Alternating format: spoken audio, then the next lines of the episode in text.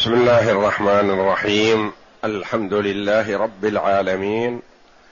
والصلاة والسلام على نبينا محمد وعلى آله وصحبه أجمعين. وبعد.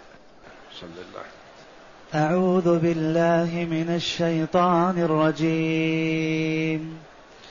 بسم الله الرحمن الرحيم. اقرأ باسم ربك الذي خلق. خلق الإنسان من علق. اقرأ وربك الأكرم الذي علم بالقلم.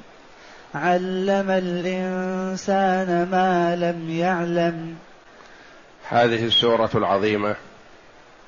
صدرها هذه الآيات التي سمعنا هي أول ما نزل من القرآن.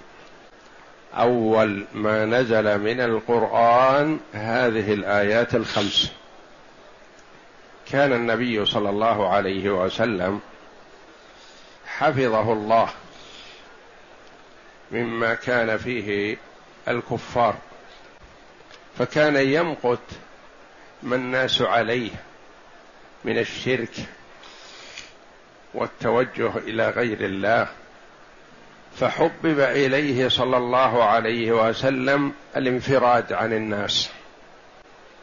وفطره الله جل وعلا على التوجه إليه والتعبد. فكان عليه الصلاة والسلام يتعبد واختار غار حراء. غار في أعلى الجبل لا يوصل إليه إلا بمشقة كان يخرج من مكة عليه الصلاة والسلام يتزود ما يكفيه لليالي والأيام فيقيم في غار حرى, حرى يتعبد. فإذا انتهى زاده نزل عليه الصلاة والسلام إلى أهله في مكة وجاء إلى خديجة رضي الله عنها وتزود بزاد آخر. وكان عليه الصلاة والسلام يرى الرؤيا ثم تصح وتكون كفلق الصبح. يعني ما يرى أضغاث أحلام أو أمور خيالات ونحوها. يرى الرؤيا في المنام فتكون كفلق الصبح. وأخذ على هذا ستة أشهر قبل الوحي. أول ما نزل عليه القرآن في رمضان. وقبل رمضان بستة أشهر كان يرى الرؤيا فتصح وتقع مثل فلق الصبح. وكان عليه الصلاة والسلام يقيم في هذا الغار يتعبد ربه يعني ويسمى في الجاهلية التحنث يعني يتحنث يتعبد. ونزل عليه الوحي عليه الصلاة والسلام كما سيأتينا في حديث عائشة رضي الله عنها وهو في ذلك الغار. أتاه جبريل عليه السلام فقال له اقرأ. قال ما أنا بقارئ. يعني ما أعرف القراءة. يقول فغطني. يعني ضغط عليه. حتى بلغ مني الجهد. يعني حتى تعبت من هذا الغطة والرصة والحبسة والضغطة. ثم أرسلني. فقال اقرأ. فقلت ما أنا بقارئ. فغطني الثانية حتى بلغ مني الجهد ثم ارسلني فقال لي اقرأ. فقلت ما أنا بقارئ. فغطني الثالثة حتى بلغ مني الجهد ثم أرسلني فقال اقرأ باسم ربك الذي خلق. خلق الإنسان من علق. اقرأ وربك الأكرم. الذي علم بالقلم علم الإنسان ما لم يعلم. خمس آيات. ثم ذهب الملك جبريل عليه السلام. فصار عند النبي صلى الله عليه وسلم خوف ورعب شديد. يخشى أنه أتي من قبل عدو. أو من قبل شيطان أو ماذا يكون هذا؟ ما شيء ما تعود له. فنزل عليه الصلاة والسلام من مكانه على خلاف عادته وتوجه إلى مكة. وقال لأهله دثروني دثروني. يعني كان معه نفاضة وتعب. فدثروه يعني غطوه. فلما سكن قال لخديجة لقد خفت على نفسي رأيت كذا وكذا. وكانت امرأة جيدة ذات رأي وسداد وتوفيق. قالت رضي الله عنها كلا والله لا يخزيك الله. ما مثلك يخزى أو تحصل عليه المصائب. إنك لتصل الرحم. وتحمل الكل وتعين على نوائب الحق. يعني أنك خير فيك خير عظيم ما يخزيك الله. وقالت هيا بنا إلى ورقة ابن نوفل ورقة ابن عم لخديجة. وكان شيخ كبير شايب.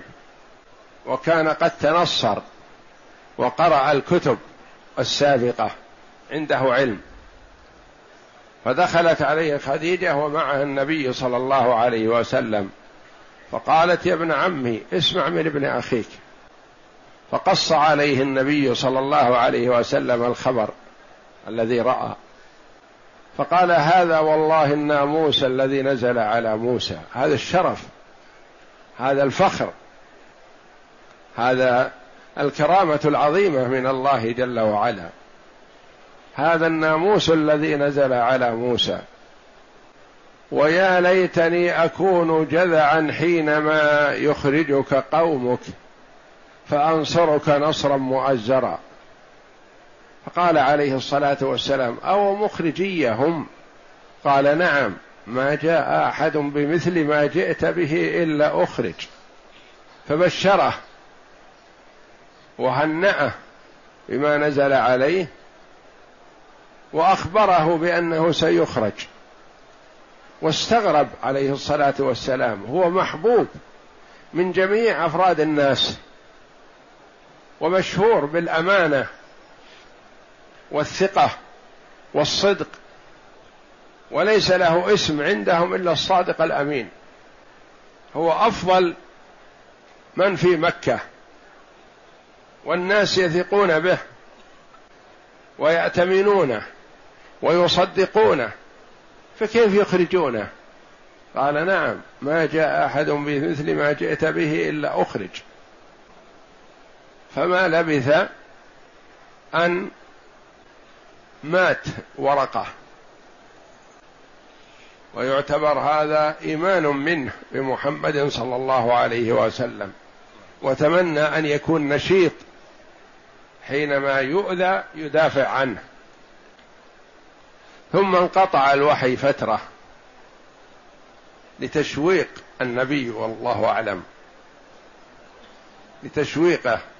فتأثر صلى الله عليه وسلم من انقطاع الوحي.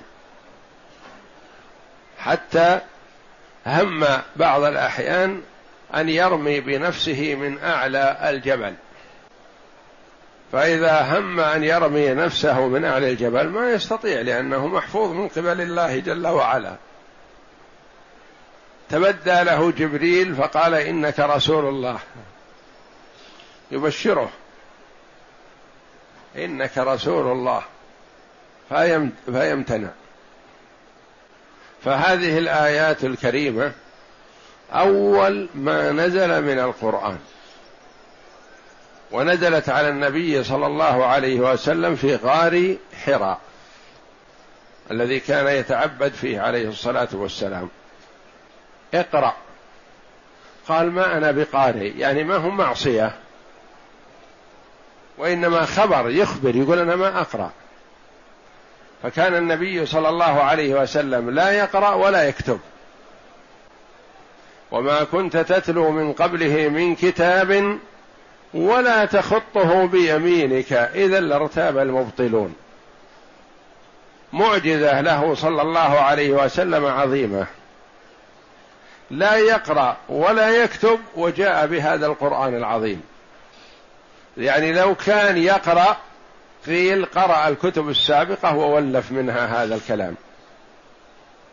لو كان يكتب قيل بدأ يكتب ووجد عنده سليقة وقدرة على الكتابة ثم قال هذا قرآن. لا يكتب ولا يقرأ عليه الصلاة والسلام. يرى اسمه ما يعرف كتابة رسول الله ما يعرف يقرأها عليه الصلاة والسلام. لحكمة يريدها الله وهو أذكى الخلق عليه الصلاة والسلام وأفضلهم وأجودهم وأحكمهم وأعلمهم لكن حروف ما يقرأ ابدا. لا يقرأ ولا يكتب. وصفه الله جل وعلا بأنه النبي الأمي. والذي بعث في الأميين رسولا منهم أمي. لا يقرأ ولا يكتب. لما كتب علي رضي الله عنه في صلح الحديبية هذا ما صالح عليه محمد رسول الله. سهيل بن عمرو. قال سهيل قف لا تكتب رسول الله. قال علي كتبت. هو رسول الله حقا. قال لا. لو نعلم أنه رسول الله ما أخرجناه من مكة ولا منعناه من بيت الله لكن لا ما نعترف أنه رسول الله. اكتب باسمك واسم أبيك. يخاطب النبي يقول ضع الكتابه باسمك واسم أبيك اللي نعرف محمد بن عبد الله ابن عبد المطلب. لكن محمد رسول الله لا. وحرصا من النبي صلى الله عليه وسلم على إبرام الصلح قال لعلي امسحها. قال والله لا أمسحها. أمسح رسول الله. أنا كتبتها حق. قال أرني إياها. ما يعرفها عليه الصلاة والسلام. فمسحها بيده الكريمه صلوات الله وسلامه عليه. ولا ما يعرف كلمة رسول الله. ما يعرفها حروفا. لا يقرأها ولا يستطيع أن يكتبها عليه الصلاة والسلام. وهذه معجزة. ومفخرة له صلى الله عليه وسلم. الأمية في الناس كلهم نقص. كل أمي يود أن يكون يكتب ويقرأ. ويشعر بالنقيصة أنه ما قرأ ولا كتب. إلا في حق النبي صلى الله عليه وسلم فهي معجزة ومفخرة وشرف. يأتي بهذا القرآن العظيم وهو لا يقرأ ولا يكتب. وكفار قريش يلتمسون الحجج التي تؤثر على الوحي. يعرفون محمدا صلى الله عليه وسلم أنه لا يقرأ ولا يكتب. قالوا هو يجلس إلى غلام نصراني قين يرب القدور ويلحم القدور المتكسرة. هذا الغلام يقرأ ويكتب.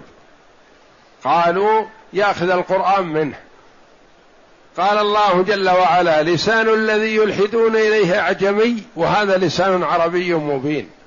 هذا النصراني الذي تشيرون إليه عنده علم وعنده كتابة عجمي ما يمكن يأتي بهذا القرآن.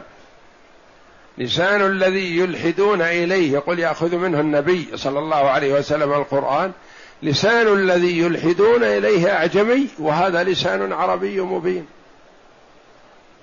فلو كان النبي صلى الله عليه وسلم يقرأ أو يكتب قالوا كتبه أو قرأه من الكتب السابقة وأتى به إلينا لكن لا يقرأ ولا يكتب. وإذا نزلت الآية قال للصحابي الذي يكتب الوحي اكتب هذه الآية بجوار الآية التي تقول كذا.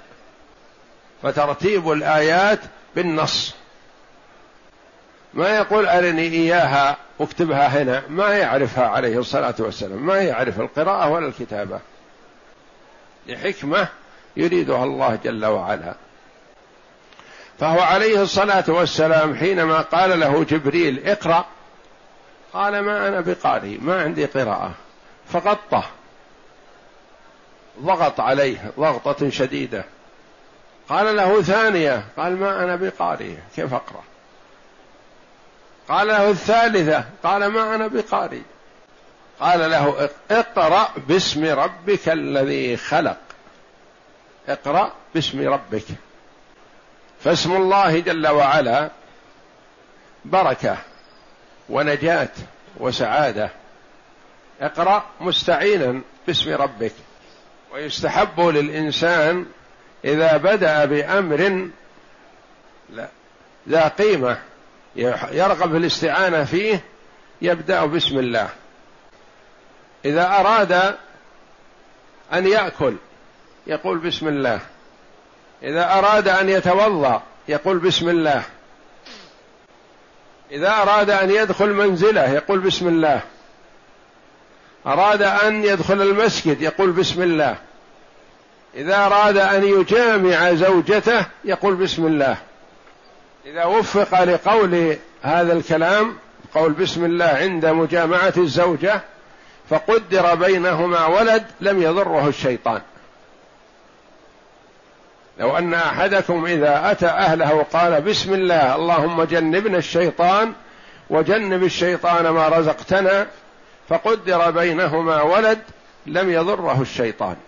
ينشأ الولد بإذن الله نشأة صالحة لأنه أول غرس أول بذرة على اسم الله تبارك وتعالى. أي استعن بربك جل وعلا على كل شيء. قال اقرأ باسم ربك ولم يقل بسم الله لأن المسألة الآن في تقرير الربوبية بأن لك رب لك خالق لك مربي لك مدبر. والله جل وعلا اسم الله العظيم. الله. لكن الموطن الآن عند القراءة وعند أول ما يبدأ وما جاءه عن تقرير التوحيد شيء والألوهية قال اقرأ باسم ربك. ربك ما صفته؟ قال الذي خلق. الذي خلق. كفار قريش مع عنادهم وعتوهم وشقائهم يعترفون أن الله هو الخالق الرازق. اقرأ باسم ربك الذي خلق لا إشكال فيه. يؤمن بهذا البر والفاجر المؤمن والكافر. ما يقولون خلقتنا الآلهة أو الآلهة خلقت لنا أولاد أو خلقت لنا أشياء لا يعرفون أن الخالق هو الله. وقال اقرأ باسم ربك الذي خلق. خلق من؟ كل شيء. ما قال جل وعلا اقرأ باسم ربك الذي خلقك أو اقرأ باسم ربك الذي خلق أباك وأمك. أو خلق آدم أو خلق الملائكة أو خلق الشجر أو الحجر أو البحار أو الجبال قال اقرأ باسم ربك الذي خلق. فكل الخلق خلق الله جل وعلا. الله خالق كل شيء. فحذف المفعول للتعميم. المفعول هو المخلوق. اقرأ باسم ربك الذي خلق كذا. ما قال خلق كذا خلقك أو خلق الأرض أو خلق السماء أو خلق الجن والإنس أو خلق آدم. قال اقرأ باسم ربك الذي خلق يعني كل شيء. الله خالق كل شيء. اقرأ باسم ربك الذي خلق. خلق الإنسان من علق. خلق كل شيء. ثم بين ما يتعلق به صلى الله عليه وسلم. الفصيله والجنس الذي هو منه. قال خلق الإنسان. الإنسان مرادا به من؟ آدم؟ لا. محمد صلى الله عليه وسلم؟ لا. ذرية آدم. خلق الإنسان من علق. العلق الدودة الصغيرة المتحركة من دم. إذا كانت جامدة يقال لها علقة. قطعة دم صغيرة. وإذا كانت سائلة يقال دم مسفوح. الدم المسفوح. خلق الإنسان من علق. بيان للإنسان مبدأه من إيش كان؟ كيف يتكبر وكيف يتعاظم وكيف يعصي الله الذي خلقه من طور إلى طور؟ أنت أيها الإنسان مخلوق من علقة. علقة والعلقة تكون صغيرة. كبر النملة ونحوها. قطعة دم صغيرة. وجاء في القرآن خلق الإنسان من تراب ومن طين ومن صلصال كالفخار ومن ماء مهين ومن ماء دافق. بآيات كثيرة وكلها تبين مبدأ خلق الإنسان من طين ومن صلصال كالفخار هذا بالنسبة لآدم. ومن تراب هذا بالنسبة لآدم الأب. ثم الذرية تكون من علقة ومن ماء دافق ومن ماء مهين كله من المني. خلق الإنسان من علق. الإنسان مرادا به الجنس. ولهذا قال علق ولم يقل علقة لأن المراد به الجمع. والعلق جمع علقة علقة وعلقة يقال لها علق مثل شجر. جمع لشجرة. علق جمع علقة. خلق الإنسان من علق. والإنسان يمر في بعض اطواره بهذه الحال يكون علقه فأطوار الإنسان في الرحم كما جاء في الحديث الصحيح إن أحدكم يجمع خلقه في بطن أمه أربعين يوما نطفة ويكون علقة مثل ذلك ثم مضغة مثل ذلك ثم يرسل إليه الملك فينفخ فيه الروح. أربعين يوما نطفة نطفة قطرة مني. ثم بأمر الله تنقلب هذه قطرة المني الماء الأبيض يصير علقة قطعة دم ويستمر على هذا أربعين يوم. علقة قطعة دم صغيرة. ثم يحول الله جل وعلا هذه العلقة بعد الثمانين يوم إلى مضغة قطعة لحم صغيرة بقدر ما يمضغ في الفم. ما تكون لحمة كبيرة لحمة صغيرة بقدر ما يمضغه الإنسان يعلقه الإنسان بأسنانه وأضراسه.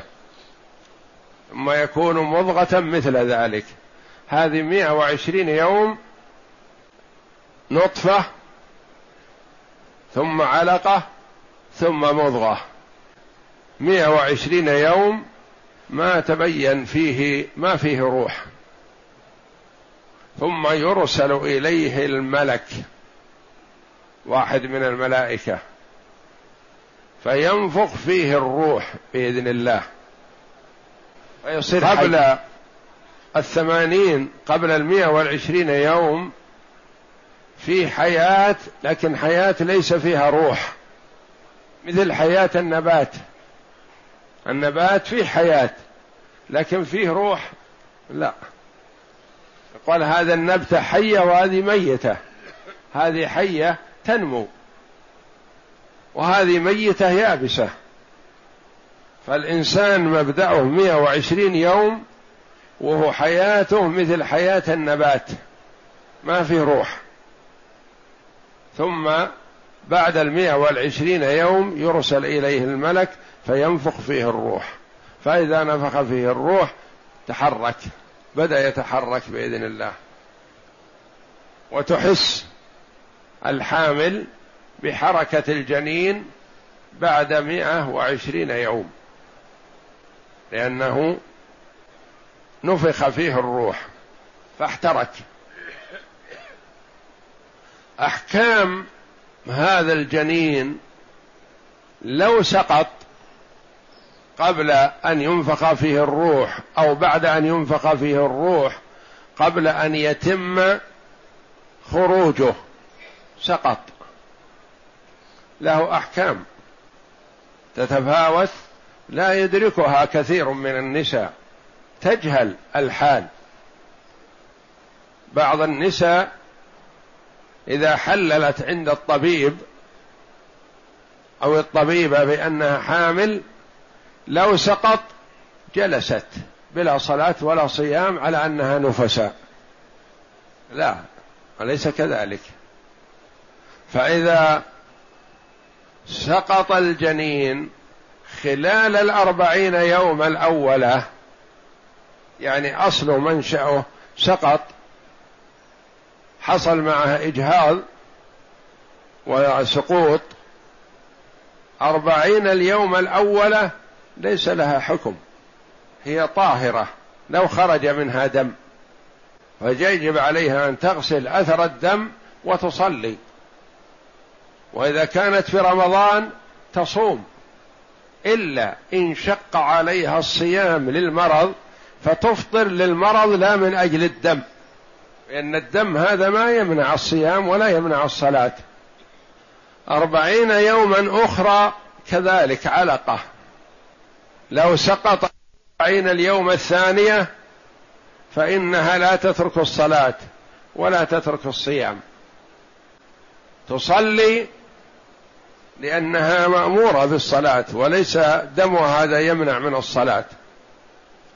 وتصوم إذا قدرت وإذا لم تقدر على الصيام فتفطر لا من أجل الدم وإنما من أجل المرض. إنها مريضة ما تستطيع. مع النزيف هذا تحتاج إلى غذاء وأكل وشرب فتعوض فلها ذلك. يعني تفطر لمرضها لا لأنه لا يصح منها الصيام للدم لا. الدم هذا ما يمنع الصيام. اذا لو سقط الجنين ما في البطن خلال ثمانين يوما فليس لأمه أحكام النفاس. وهو كذلك من باب أولى ليس له أحكام الوفيات لأنه ما في شيء. ينزل مع الدم. ما ينزل شيء بين أنه إنسان. لا. فليس لأمه أحكام النفاس خلال الثمانين يوما. بعد الثمانين يوما ماذا سيكون؟ مضغة. المضغة قطعة اللحم. يتبين بها الرأس. يتبين فيها اليد. يتبين فيها رجل. تتبين فيها ما يبين أنه أصل آدمي. هذا يكون لأمه أحكام النفاس. لأنه خرج منها ما هو أصل آدمي. تبين فيه خلق إنسان. وهذه المضغة التي تسقط ما نقول يغسل تغسل وتصلى عليها لا لأنها جماد عبارة قطعة لحم. ما فيها روح. ولا تعتبر نفس. لا. تعتبر قطعة. قطعة لحم سقطت من هذه المرأة ما يصلى عليها ولا تغسل هذه القطعة. والأم لها أحكام النفاس لأن هذا تبين أن فيه أصل إنسان فيه يد فيه رجل فيه تقاطيع بعض أجزاء الجسم. هذا خلال من الثمانين يوم إلى المئة والعشرين.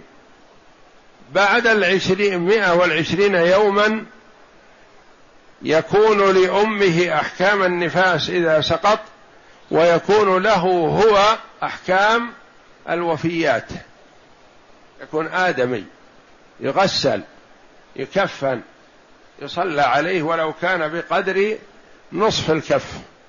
ما هو بلازم أن يكون فرط كبير. ولو بقدر الكف أو أقل. يغسل ويصلى عليه وإذا صعب حمله يجعل على لوح مثلا صغير ويلف في اللوح ويقدم بين يدي الإمام للصلاة عليه. لأنه نفخ فيه الروح. ما في فرق بين ما قبل المئة والعشرين وبعد المئة والعشرين إلا في الروح. والروح أمر لا تدرك حقيقته جوهر ما هو. كما قال الله جل وعلا ويسألونك عن الروح قل الروح من أمر ربي وما أوتيتم من العلم إلا قليلا. فإذا مضى للجنين في بطن أمه 120 يوما يحترك مع الروح. فلو سقط فيغسل ويكفن ويصلى عليه ويدفن في مقابر المسلمين. إنه آدمي. ويبعث هذا يوم القيامة. ما دام نفخ فيه الروح يبعث. وهكذا بعد المئة والعشرين يوما حتى الولادة حتى الشيخوخة. هذا حكمه أنه إذا مات يغسل ويكفن ويصلى عليه.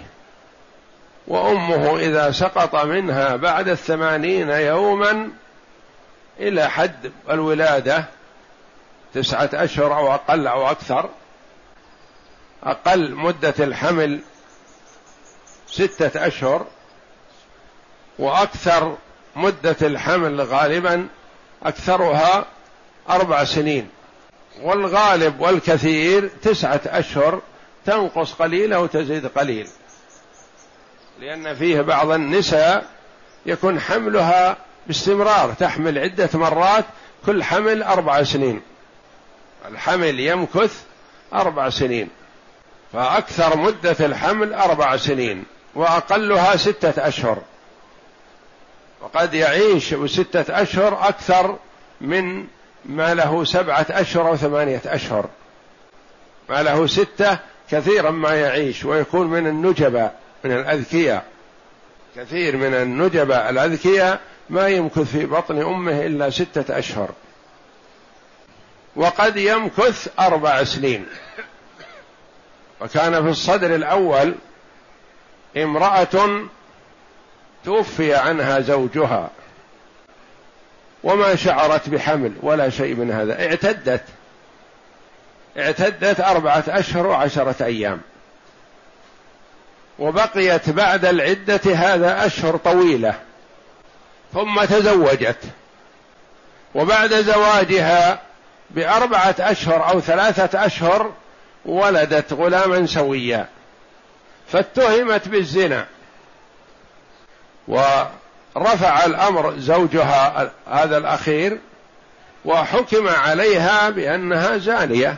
كيف يعني؟ زواجها ما له إلا ثلاثة أشهر ما يمكن تجيب ولد سوي.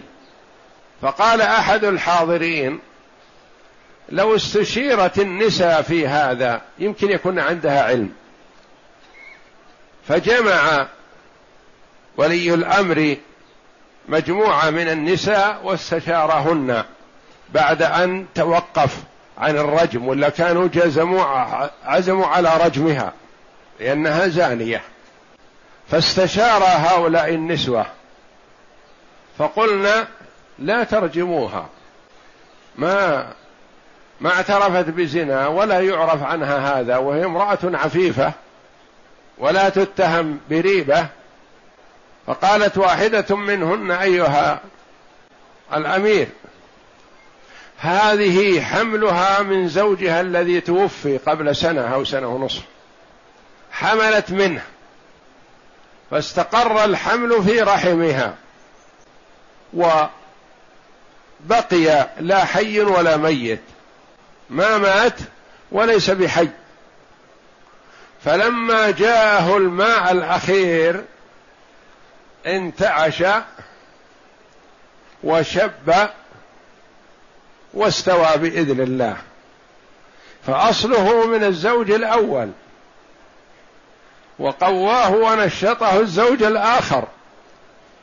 انه اسقاه بماءه فخرج لهذه المدة. وهذا ممكن أن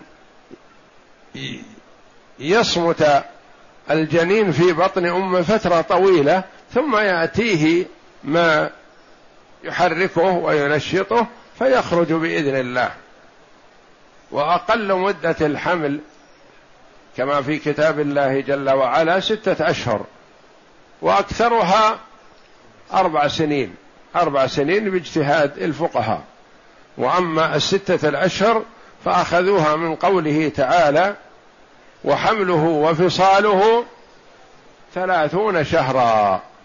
حمله وفصاله. ثلاثون شهرا. مع قوله تعالى والوالدات يرضعن أولادهن حولين كاملين إذا أخذنا الحولين الكاملين من ثلاثين شهرا كم يبقى؟ ستة. ستة أشهر هذه أقل مدة الحمل. فالله جل وعلا في هذه الآيات الكريمة يلفت نظر الخلق والعباد إلى المبدأ. خلق الإنسان من علق. قطعة دم صغيرة علقة. العلقة التي تكون في الماء توجد حمراء تنمو في الماء الراكد. يكون فيه قطعة صغيرة متحركة يقال لها علقة. خلق الإنسان من علق كمال القدرة لله جل وعلا. اقرأ وربك الأكرم. اقرأ وربك الأكرم. اقرأ يا محمد. وربك الذي رباك بنعمة. تكرم عليك بما لم يكن يخطر على بالك. ما كان يخطر على بال الرسول صلى الله عليه وسلم أنه يكون نبي أو يكون رسول.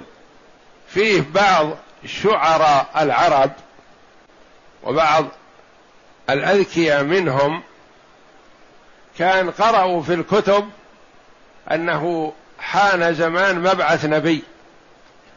فكان الواحد منهم يتطلع لعله يكون هو. يرشح نفسه أن يكون نبي. لكن الله جل وعلا ما رشحه وما عينه. منهم أمية ابن أبي الصلت. أمية بن أبي الصلت كان شاعر وحكيم. ويتحدث عن الله جل وعلا وعلوه. وأنه يجب الإيمان بالربوبية.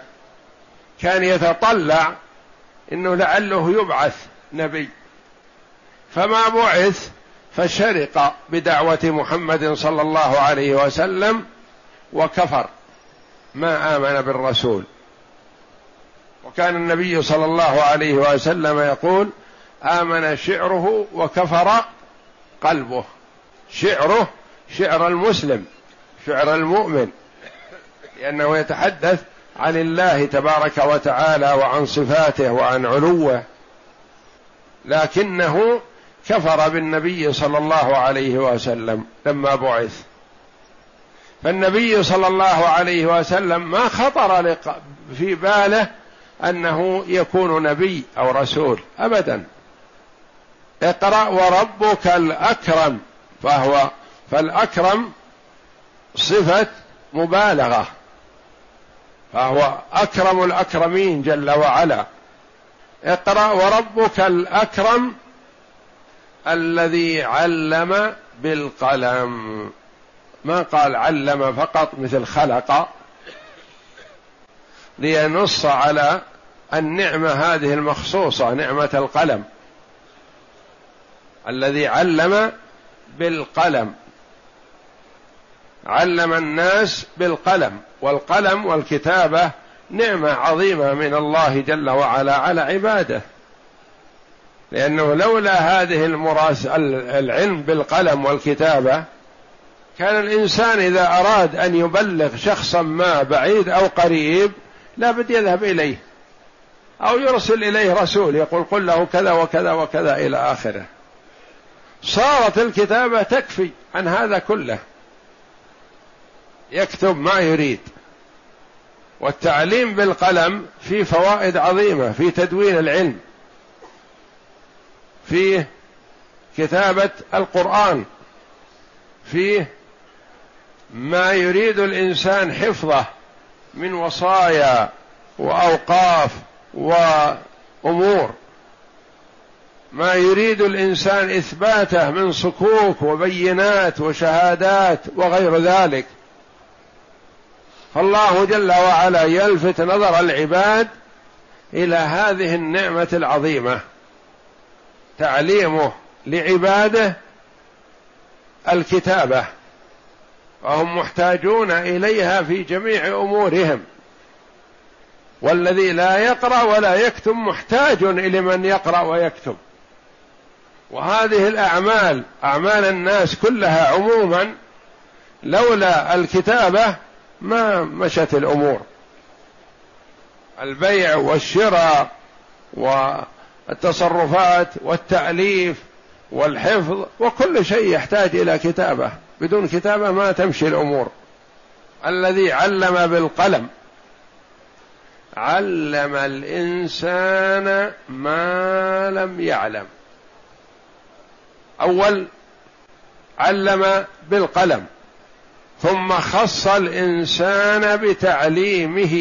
ولهذا قال بعض المفسرين في الإنسان هذه الأخيرة مرادا بها محمد صلى الله عليه وسلم. الظاهر والله أعلم العموم. يعني علم الإنسان ما لم يعلم. يعني أنت يا محمد لا تستبعد شيئا. فالله قادر على أن يعلمك كل شيء. والإنسان يولد في بطن أمه ما يعلم شيء. ثم يبدأ به العلم تدريجيا حتى يستكمل. ثم يبدأ به النقص. علم الإنسان ما لم يعلم وهذا من كرمه جل وعلا أن أعطى الإنسان العلم والمعرفة. وهذا خاص بالإنسان لأن الحيوانات خلقها الله جل وعلا وهداها لما فيه صلاحها وحاجتها مثلا. لكن ما تعرف. تقرأ ولا تكتب ولا تدبر الأمور ولا تبين ولا تصرف ولا تقول حملت وما في بطن شيء أو كذا ما تقول شيء. لكن الإنسان هو الذي ميزه الله جل وعلا بالعلم. الحيوان هداه الله لما هو في حاجة إليه. يسقط من بطن أمه ما عنده أحد لا راعي ولا مالك ولا شيء تحت الشجرة. فينهض ويلتقم ثدي أمه. ما عنده أحد يلقمه الثدي ولا يذهب إلى اللسان ولا يذهب إلى الأذن ولا يذهب إلى ما بين يديها من الحلمات قد تكون يذهب إلى ثديها ويرضع إلهام من الله جل وعلا. خلق كل شيء فهداه لما خلقه له. لكن العلم وتدبير الأمور والنطق والتصرف هذا ميز الله جل وعلا به الإنسان وحده. ولهذا قال علم الإنسان ما لم يعلم ما كان عنده علم من قبل ثم علمه جل وعلا بتوفيقه. وهذه نعمة عظيمة من الله جل وعلا. وهذه الخمس الآيات هي أول ما نزل من القرآن. اقرا قال الإمام أحمد عن عائشة قالت أول ما بدأ أول ما بدأ به رسول الله صلى الله عليه وسلم من الوحي الرؤيا الصادقة في النوم. فكان لا يرى رؤيا إلا جاءت مثل فلق الصبح ثم حبب إليه الخلاء فكان يأتي حراء فيتحنث فيه. الخلاء الخلاء يعني الخلوة عن الناس والبعد عنهم. نعم. وهو التعبد الليالي ذوات العدد ويتزود لذلك ثم يرجع إلى خديجة فيتزود لمثلها حتى فجأة حتى فاجأه الوحي وهو في غار حراء. فجاءه الملك فيه فقال اقرأ. قال رسول الله صلى الله عليه وسلم فقلت ما أنا بقارئ. يعني ما أعرف القراءة وليس عصيان للملك. نعم. قال فأخذني فغطني حتى بلغ بي من الجهد ثم أرسلني فقال اقرأ. الغط يقول أهل اللغة العصر الشديد والكبس والغط بالماء الغمس في الماء. قيل غطه ليختبره. هل يقول من تلقاء نفسه شيئا أو يخبر عن الحقيقة لأنه ضغط عليه يريد منه أن يقرأ. فهل سيقرأ شيئا ما أو يخبر بالحقيقة؟ يقول ما أنا بقاري. فثلاث مرات والرسول عليه الصلاة والسلام يقول ما أنا بقاري ما عندي قراءة ما أعرف. نعم. فقلت ما أنا بقارئ. فغطني الثالثة فغطني الثانية حتى بلغ بي من الجهد ثم أرسلني فقال اقرأ فقلت ما أنا بقارئ. فغطني الثالثة حتى بلغ بي من الجهد ثم أرسلني فقال اقرأ. الجهد المشقة. حتى بلغ بي من الجهد ثم أرسلني فقال اقرأ باسم ربك الذي خلق. حتى بلغ ما لم يعلم. الآيات الخمس. اقرأ باسم ربك الذي خلق. خلق الإنسان من علق. اقرأ وربك الأكرم الذي علم بالقلم. علم الإنسان ما لم يعلم. هذه الآيات الخمس هي أول ما نزل. ثم نزل ما بعدها هذه في أبي جهل كما سيأتينا إن شاء الله. قال فرجع بها ترتجف بوادره حتى دخل على خديجة فقال زملوني زملوني. زملوني زملوني يعني غطوني. يعني لا تحاسون لا تكلمونني ما أستطيع أكلم. حتى يهدأ ويركض عليه الصلاة والسلام. وهو في ذاك الوقت ابن أربعين سنة عليه الصلاة والسلام. عمره أربعون سنة. أول ما نزل عليه الوحي وعمره أربعون سنة. واستمر الوحي ينزل عليه ثلاث وعشرون سنة. وتوفي عليه الصلاة والسلام وعمره ثلاث وستون سنة. صلوات الله وسلامه عليه. مدة الوحي ثلاث وعشرون سنة. ولهذا وجاء في الحديث أن الرؤيا الصالحة جزء من ست وأربعين جزءا من النبوة. لأن نبوة محمد صلى الله عليه وسلم في نزول الوحي ثلاث وعشرون سنة. ستة أشهر كان رؤيا. فالثلاث والعشرون إذا قسمتها على ستة أشهر تكون ستة وأربعين. فيقال الرؤيا الصالحة جزء من ست وأربعين جزءا من النبوة. فزملوه حتى ذهب عنه الروع فقال يا خديجة ما لي؟ وأخبرها الخبر وقال قد خشيت على نفسي فقالت له كلا يقول خفت على نفسي يعني أخشى أنه جاءني شيء شيء يضرني. نعم. فقالت كلا لا تخف على نفسك. نعم. فقالت له كلا أبشر فوالله لا يخزيك الله أبدا. رضي الله عنها. تدخل السرور على نفس النبي صلى الله عليه وسلم فهي خير مؤنس له. فتزيل عنه الكآبة والحزن والتعب والمشقة والأذى من كفار قريش تدخل عليه السرور والأنس رضي الله عنها وأرضاها. قالت كلا والله لا يخزيك الله أبدا. أبشر هذه بشارة. نعم. إنك لتصل الرحم وتصدق الحديث وتح... إنك لا تصل الرحم يعني تصل رحمك وتصدق الحديث صدوق ما أنت كذاب وتحمل الكل. وتحمل الكل. العاجز تحمله أو تساعده ما تتركه. فيك مروءة فيك حب للنفع. مثلك ما يخزيها الله. نعم. وتقر الضيف. وتقر الضيف. وقر الضيف كرم وخصلة طيبة. من كان يؤمن بالله واليوم الآخر فليكرم ضيفه. نعم. وتعين على نوائب الدهر.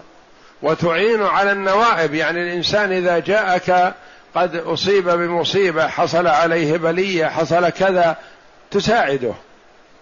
ما تتخلى عنه وتتركه. تعين على نوائب الدهر. يعني المصائب التي تحصل على الناس تحاول أن تخفف عنهم وتساعدهم. فأنت فيك مروءة فيك رجولة فيك كرم فيك شيمة حسنة. ما يخزيك الله ابدا. نعم. ثم انطلقت به خديجة حتى أتت به ورقة بن نوفل ابن أسد بن عبد العزى بن قصي وهو ابن عم خديجة أخي. هو ابن عم خديجة. فدخلت عليه خديجة رضي الله عنها ومعها النبي صلى الله عليه وسلم. نعم. وكان امرأ قد تنصر في الجاهلية وكان يكتب الكتاب العربي وكتب بالعربية من الإنجيل ما شاء الله أن يكتب وكان شيخا كبيرا قد عمي. فقال كان يعني قبل عماه كان يكتب ويقرأ وعنده علم بالكتاب بالكتب الأولى. نعم. فقالت خديجة أي ابن عم؟ أي ابن عم يعني يا ابن عمي. أي هذه من حروف النداء. نعم. اسمع من ابن أخيك. اسمع تريد أن يسمع منه مباشرة. ما تنقل الكلام هي؟ قالت اسمع من الرسول عليه الصلاة والسلام. اسمع من محمد ابن أخيك. نعم. فقال ورقة ابن أخي ما ترى؟ فأخبره رسول الله صلى الله عليه وسلم بما رأى فقال ورقة هذا الناموس الذي أنزل على موسى. هذا الشرف هذا الفخر الذي نزل على موسى هذا المنزلة العظيمة هذا الوحي الذي جاءك ما جاءك شيطان. نعم. ليتني فيه جذعا ليتني أكون حيا حين يخرجك قومك. ليتني أكون جذع يعني نشيط الآن شايب متعب هرم ما أستطيع أعمل نحوك, نحوك شيء لكن ليتني أكون جذع حينما يخرجك قومك أنصرك نصرا مؤزرا أساعدك. يعني هذا فخر لك ولكل من ساعدك وقام معك. نعم. فقال رسول الله صلى الله عليه وسلم أو مخرجيهم أو مخرجيهم يعني يخرجني قريش يخرجونني من مكة. يعني يستبعد كل البعد لأنه محبوب عليه الصلاة والسلام عند الصغار والكبار والرجال والنساء وموصوف بالأمانة والصدق. ما له اسم عندهم شهرته بالصادق الأمين أكثر من معرفتهم لاسمه محمد ابن عبد الله بن عبد المطلب. الصادق الأمين الصادق الأمين. لما تنازعوا في وضع الحجر الأسود في مكانه حينما بنيت الكعبة تنازعوا كادوا يقوم بينهم حروب وقتال وضرب. كل قبيلة تقول حنا لنضع الحجر الأسود في مكانه. قال لهم أحد عقلائهم انظروا حكموا أول داخل يدخل من الباب. إذا دخل أول داخل الآن من المسجد نحكمه فيما, فيما بيننا. فأنت فقبلوا هذا الرأي وانتظروا. فكان أول داخل هو النبي عليه الصلاة والسلام. ففرحوا به فرحا شديدا لأن